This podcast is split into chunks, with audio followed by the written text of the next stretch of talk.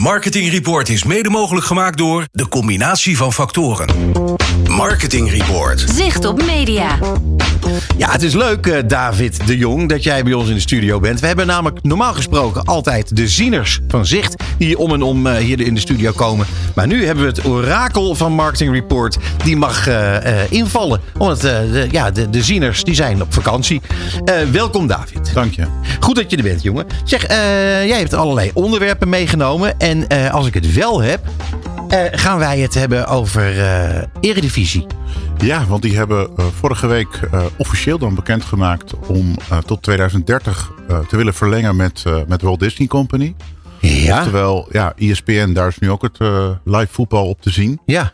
En het interessante daaraan is, ja, dat ze noemen officieel natuurlijk geen bedragen. Het gaat om, maar naar verluid gaat het dus om 135 miljoen per jaar. Plus nog eens Een keer half miljard. Ja, plus nog eens een keer 70 eh, miljoen tekenbonus. Ehm, en wat je dan ziet is dat de kabelaars of de telecommers, hè, de KPN'en, de Vodafone Ziggo's, Odido en Delta, die zijn heel boos. Ja, is want die willen ook. Ja, die willen ook. Ja, ja. Maar het is instrumenteel boos, want het zijn natuurlijk zeer commerciële bedrijven. Ehm, Ja. Maar wat, wat wel in het algemeen opvalt, is eh, in heel Europa worden natuurlijk voetbalrechten verdeeld. Maar hier is het eh, ja, in een achterkamer of ja, onderling, zeg maar, eh eh, Bekokstoofd. gedaan. Ja, Mag dat? dat is de vraag die de kabelaars eh, eh, Ah. neergelegd hebben bij de ACM, de, de mededingingsautoriteit. ja, ja. Eh, wat we allemaal weten is dat in 2012-13 voor 12 jaar die voetbalrechten eh, ook aan één partij waren gegeven. En toen vond de ACM dat goed. Nu is er een verlenging. Ehm, in andere landen zie je gewoon, eh, er wordt een bidboek geopenbaard ook. Kan iedereen Ja. meelezen, meelezen en dan, dan kan iedereen daarop inschrijven. In Nederland is dat niet gebeurd. Eigenlijk is het heel vreemd. Dat kan je zeggen. Eh, men zegt van ja, eh, dat is het oude contract eigenlijk. Want daarin stond dat, eh, of staat dat Disney gewoon een verlengingsrecht zou hebben. Nou ja, als dat zo is, dan is het zo. Hè? En dan, Ja, je ja, je dan kun je misschien nog of- procederen. Je kan je wel afvragen of voetbalclubs uiteindelijk daar allemaal zo verstandig aan doen. Maar dat is dan een, een discussie waard. Ja, In ieder geval het vrouwenvoetbal, dat vergeet ik te zeggen. En de eerste divisie, die zullen volledig live eh, te zien zijn vanaf 2024. Eh, en nu we het dan toch over commercieel beleid hebben. De ster. Ja, want die hebben eh, online dan weliswaar vorige week hun, hun presentatie gegeven. Ze gaan, ja, ze zeggen niet meer wat ze gemiddeld doen, maar ze zeggen wel de GRP-basis, de, Ja. die prijs, die wordt, ver- die wordt verlaagd met 5%, nadat ze die vorig jaar met 14% hadden verhoogd. Ja, Dus die gaat 660 per GRP kosten. Maar tegelijkertijd zeggen zij van ja, adverteerders die eh, willen bepalen waar ze komen met hun advertenties, niet onbelangrijk, Mhm. die gaan wel 9% meer betalen. Nou, af, ja, na aftrek van. Of, ja, als je het vergelijkt met de vorige keer, Ja. eh, verhoging. Zeg dat maar. is verhoging op verhoging. Ja. Ehm, wat misschien ook interessant Wat, is. wat heeft dit dan voor eh, gevolgen, denk je? Ja, dat is een goede. Dat hangt ook een beetje af voor de gehele markt om dat te kunnen zeggen. Want eh Ad Alliance, RTL en Talpa Network, die moeten nog hun tarieven bekendmaken. Ehm, Is het nou net als in de, in de verzekeringssector dat er één partij is die eh, daar leading in is? De ster is bijna altijd hè, de eerste die dat bekend maakt. En dan volgen altijd de anderen daar min of meer op. Dat is vorig Ja. jaar ook gebeurd. Er was er een forse stijging. Daar heb je al een reactie op gezien. Hè. De omzet daalt in de sector. Mhm. Eh, dus ja, En komt het dan door die verhoging of komt dat door andere zaken? Als je het mij vraagt, is het een combinatie van factoren, zeg maar. Ja, daar schiet er natuurlijk niks meer op, Nee, eh, ja, het is een David. combinatie van lineair daalt. En de prijzen zijn fors verhoogd. Ja. Dan reageert de markt. Die gaat natuurlijk heen kijken naar alternatieven. Ja, maar goed, er spelen natuurlijk ook de andere dingen mee in de markt. Hè? Ik bedoel, eh, behalve de kosten van, van, van de communicatie, heb je ook allerlei andere kosten. Crisis eh, op crisis. Ook Eh, inflatie ook mee. inderdaad. Ja. Ehm, dus men kijkt misschien ook naar andere, andere manieren als men dan wil door blijven adverteren. Wat, wat misschien wel meldenswaardig is, dat de ster volgend jaar, die mag op 8% blijven. Terwijl wettelijk is afgesproken dat ze de komende jaren naar 5% eh, terug moeten. En Frank Volmer is vol in de lobby. Eh hangt natuurlijk een beetje af van wat de verkiezingen gaan doen. Om ook online, want dat mogen ze niet. En ook on demand weer terug te komen met reclame bij de NPO. Oh, Ja, dat heeft toen Arie Slob als minister heeft dat door de Kamer, de Tweede Kamer en Eerste Kamer gekregen dat dat verboden is nu. Waarom wilde Arie Slob dat? Arie Slob had een veel breder plan om, om reclame nog veel meer te mi- verminderen. Om de, om de, ja, de invloed die hij dan definieerde eh, bij de NPO volledig uh, ja, weg te halen. Dat was uiteindelijk zijn, zijn uiteindelijke doel. Want hij hield niet zo van reclame. Ja, ik denk dat hij de, de toren van de, van de creator, dat hij daar was een beetje bang voor. Nou, het idee van de NPO moet publieke omroep zijn, dus daar hoort heel, eigenlijk helemaal geen reclame uh, bij. En uiteindelijk is dat zo afgezwakt dat alleen online en on-demand het weg uh, ging. En Nou de kinderreclame is ook afgeschaft. Oké, nou ja, goed. Ehm, maar het is, het, is, eh, het is allemaal hartstikke interessant, eh, moet ik zeggen. Ehm, ik, ik ben toch blij dat we nu ook eh, een orakel achter de hand hebben. Eh, David, wat ik ook leuk vind, dat is dat eh, verhaal van eh, Omroep Max en HBO. Ja, Jan Slachter Ja. die is in staat gebleken om een Amerikaanse grootmacht eh, ik wil niet knieën zeggen te op dwingen, hè? knieën, maar, maar wel in ieder geval. Ze hadden het plan. Hè. Ze hebben de streamingdienst eh, HBO Max eh, in een aantal landen, waaronder Nederland. En eh, ja, ze hadden het plan om eh, eh, wereldwijd dat om te dopen eh, in Max. Daar zouden ook de Discovery Plus programma's ook onderdeel van worden van die streamingdienst. Ja, Maar toen was Jan Slachter er, die een aantal jaar geleden zijn merk heeft geregistreerd van Omroep Max en dus ook Max. ja. En die zei, oh, dat kan niet zomaar. wat ook zo is natuurlijk. Ja, dus het gevolg Maar is wel nu, een grootmacht. ja, Ja, ja. Het gevolg is nu dat, dat HBO Max of, Warner Brothers Discovery heeft gezegd, wij houden gewoon HBO Max in Nederland en België. Daar moeten ze nog lanceren overigens. Ehm, en we gaan dan gewoon, ja, die, die streamingdienst gaan we uitbreiden met nieuwe content in het voorjaar. Eh, maar in, in Nederland en België zal die geen Max, maar HBO Max heten. En daar heeft eh, Jan Slachter niet zoveel moeite mee. nee, begrijp ik. Want dat is, eh, ja, die, die scheiding is duidelijk genoeg, denk ik. Ja, nee, goed. Je hebt in, in België heb je VRT Max bijvoorbeeld. Ja. Daar heeft hij nooit problemen mee gehad. Nee. Nou ja, maar eh, eh, complimenten zou ik willen zeggen eh, voor Jan Slachter in deze. Ja. Toch of niet? Of jij, jij kijkt er een beetje zuinigjes bij. Dat is toch een goed Nou, nee, compliment? ja, nee, Kijk niet naar mijn bij. gezicht zou ik zeggen. Dat zegt niks. Oh. Het is een goede actie van hem om dat ja, zo in te Ja, vind ik ook. Vind ik ook. Hey, en dan is er een ander onderwerp, zag ik voorbij komen. En dat is een initiatief van Wim Groot Koerkamp. Nou, daar moet je echt alles over Ja. vertellen. Nou, ik, die- eh, die angstaanjagend nieuws vind ik Die, dit. die kennen niet zoveel mensen misschien. En ga je uitleggen? Eh, dat is de oprichter, bede- medebedenker van eh, de Boer-Burgerbeweging, Ja. de BBB. Briljant gedaan. Ja, ehm, en die heeft eh, dus een communicatiebureau. Dat heet Remarkable. En die wil nu, nu die dan officieel zeg maar niet meer zo betrokken zou zijn bij BBB, wil die zijn eigen publieke omroepvereniging gaan beginnen.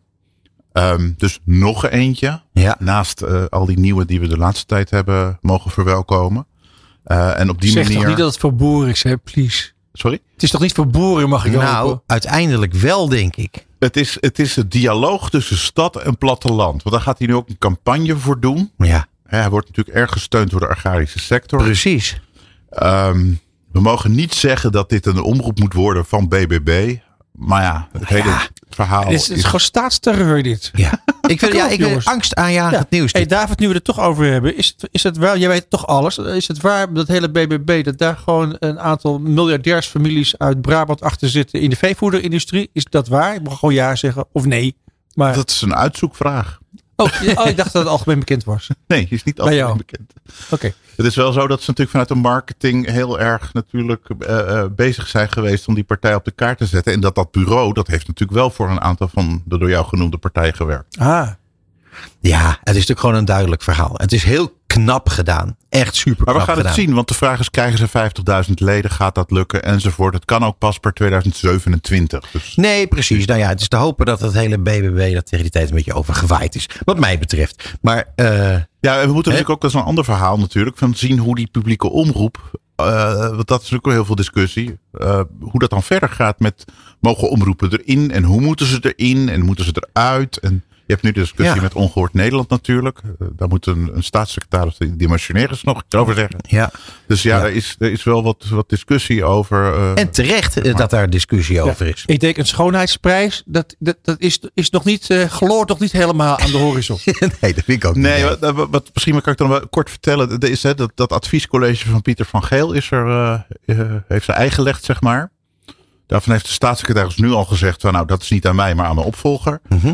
Maar daarmee wordt de NPO wel heel ingewikkeld, want ze willen een extra bestuurslaag ertussen ingooien. De Kijk, om het nog wat ingewikkelder te maken. Ja, de autoriteit publieke omroep. Er wordt het commissariaat deels opgeheven. En dan willen ze, die moet dan gaan bepalen of omroepen erin en uit mogen. En uh, om het ook weer ingewikkelder te maken, ze willen ook dat omroepen meer te vertellen krijgen over hoe geprogrammeerd wordt. Kunt u jongen. Nou, eigenlijk niet. Maar, ik, eh, maar wat ik wel zou willen zeggen is datgene wat ongehoord is, moet eigenlijk ongehoord blijven. Dat vind ik. In zijn algemeenheid dan, hè? Ja. ja. Eh, Maar het is, nou, het is interessant, David, want eh, en het moet goed uitgezocht worden, dit. Want uiteindelijk is het steeds ingewikkelder maken van een gremium. Dat is nooit goed nieuws voor het uiteindelijke resultaat. De, de vraag wordt wat de politiek doet, want die moet dat bepalen. Ja. Nou, en dan komen we weer tot die verkiezingen. 22 Nee, precies. november. Nee, zo is het. Maar ja, het is natuurlijk wel inter- heel interessant, omdat je ziet ook in het bedrijfsleven dat er eh, op een gegeven moment jaren achtereen worden steeds meer bestuurslagen en managementlagen aangebracht. Nou, en, en bedrijven knappen daar niks van op. Dus ik denk dat een NPO er ook niks van opknapt. Schat ik zo eens even in. Maar jij gaat het allemaal uitzoeken. Nou ja, dit, ja we, we gaan het zien. Wat, wat, wie, wie weet wat, wat eh, de partij van Pieter Omtzigt, de eerder genoemde BBB, wat willen die eigenlijk met omroep en media? Weet Ja. jij het?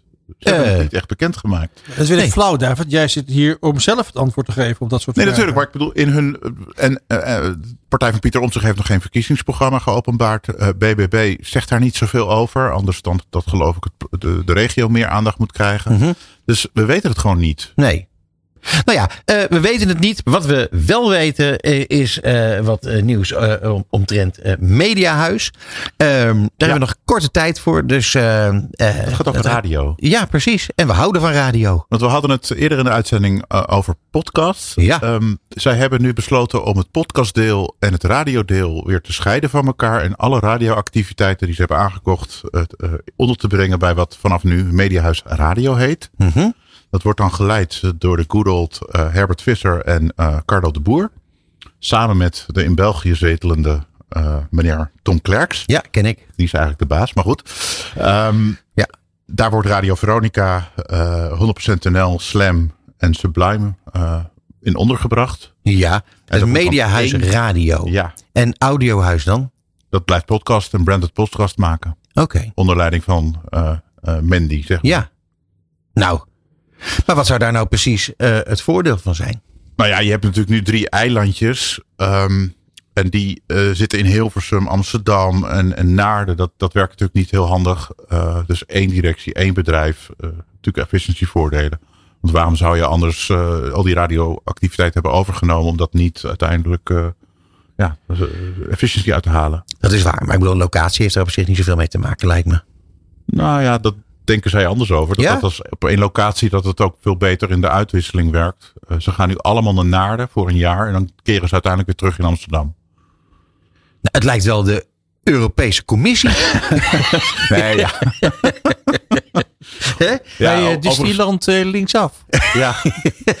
God zeg ik. Bij Radio Veronica is wel het een en ander aan de hand. Dat wil ik nog wel toevoegen. Rob Stenders lijkt een beetje eh, zijn taken te hebben neergelegd. Er is per 1 januari weer een nieuw iemand benoemd. Ja. die dan de zenderleiding op zich moet nemen. Robert-Jan van der Velde, die nog bij Blashowski zit. De Oh. productiemaatschappij. Eh, en je ziet wel dat Rob Stenders is al teruggetreden uit de leiding. Eh, dat in ieder geval, wat ik maar eventjes de iets meer eh, specifieke programma's die worden geschrapt of, of, of wordt, wordt Wat bedoel jij met meer specifiek? ja, eh, de, de programma's die jij en ik misschien leuk vinden, maar waar het grote publiek wat minder op afgaat. Oh, Oké. Johan Derksen heeft een, bijvoorbeeld een programma, dat was tussen 11 en 12, is al laat, dat is al gelijk naar middernacht. Oh. Oké, ja, ja, ja. Die ja. had specifieke Zodat er muziek. echt, echt niemand meer luistert. Nou, de nachtbrakers en de, en de mensen die in de zorg werken. Zo, Ja, hè. Hij eh, draait toch van die eh Amerikaanse Blues draait. Americana, Ja. Americana Ja, muziek. En blues. Ja. Hij is een enorme bluesliefhebber. Ja. Ja. ja. het leuk, maar blijkbaar scoort het niet onvoldoende. Ja. Ja. In Nou ja, goed. tot zijn tv-activiteiten. Eh, David, ik moet je zeggen, jongen. eh, eh, je hebt het eh, fantastisch gedaan. Vind ik ook. wil je enorm bedanken voor jouw bijdrage aan ons programma. En eh, mocht eh, ooit nog een keer zieners op vakantie zijn tegelijkertijd. Dan vragen we je zeker weer terug. Dankjewel. Leuk, dankjewel. Dit is Marketing Report. Met Peter Wiebinga en Bas Vlucht.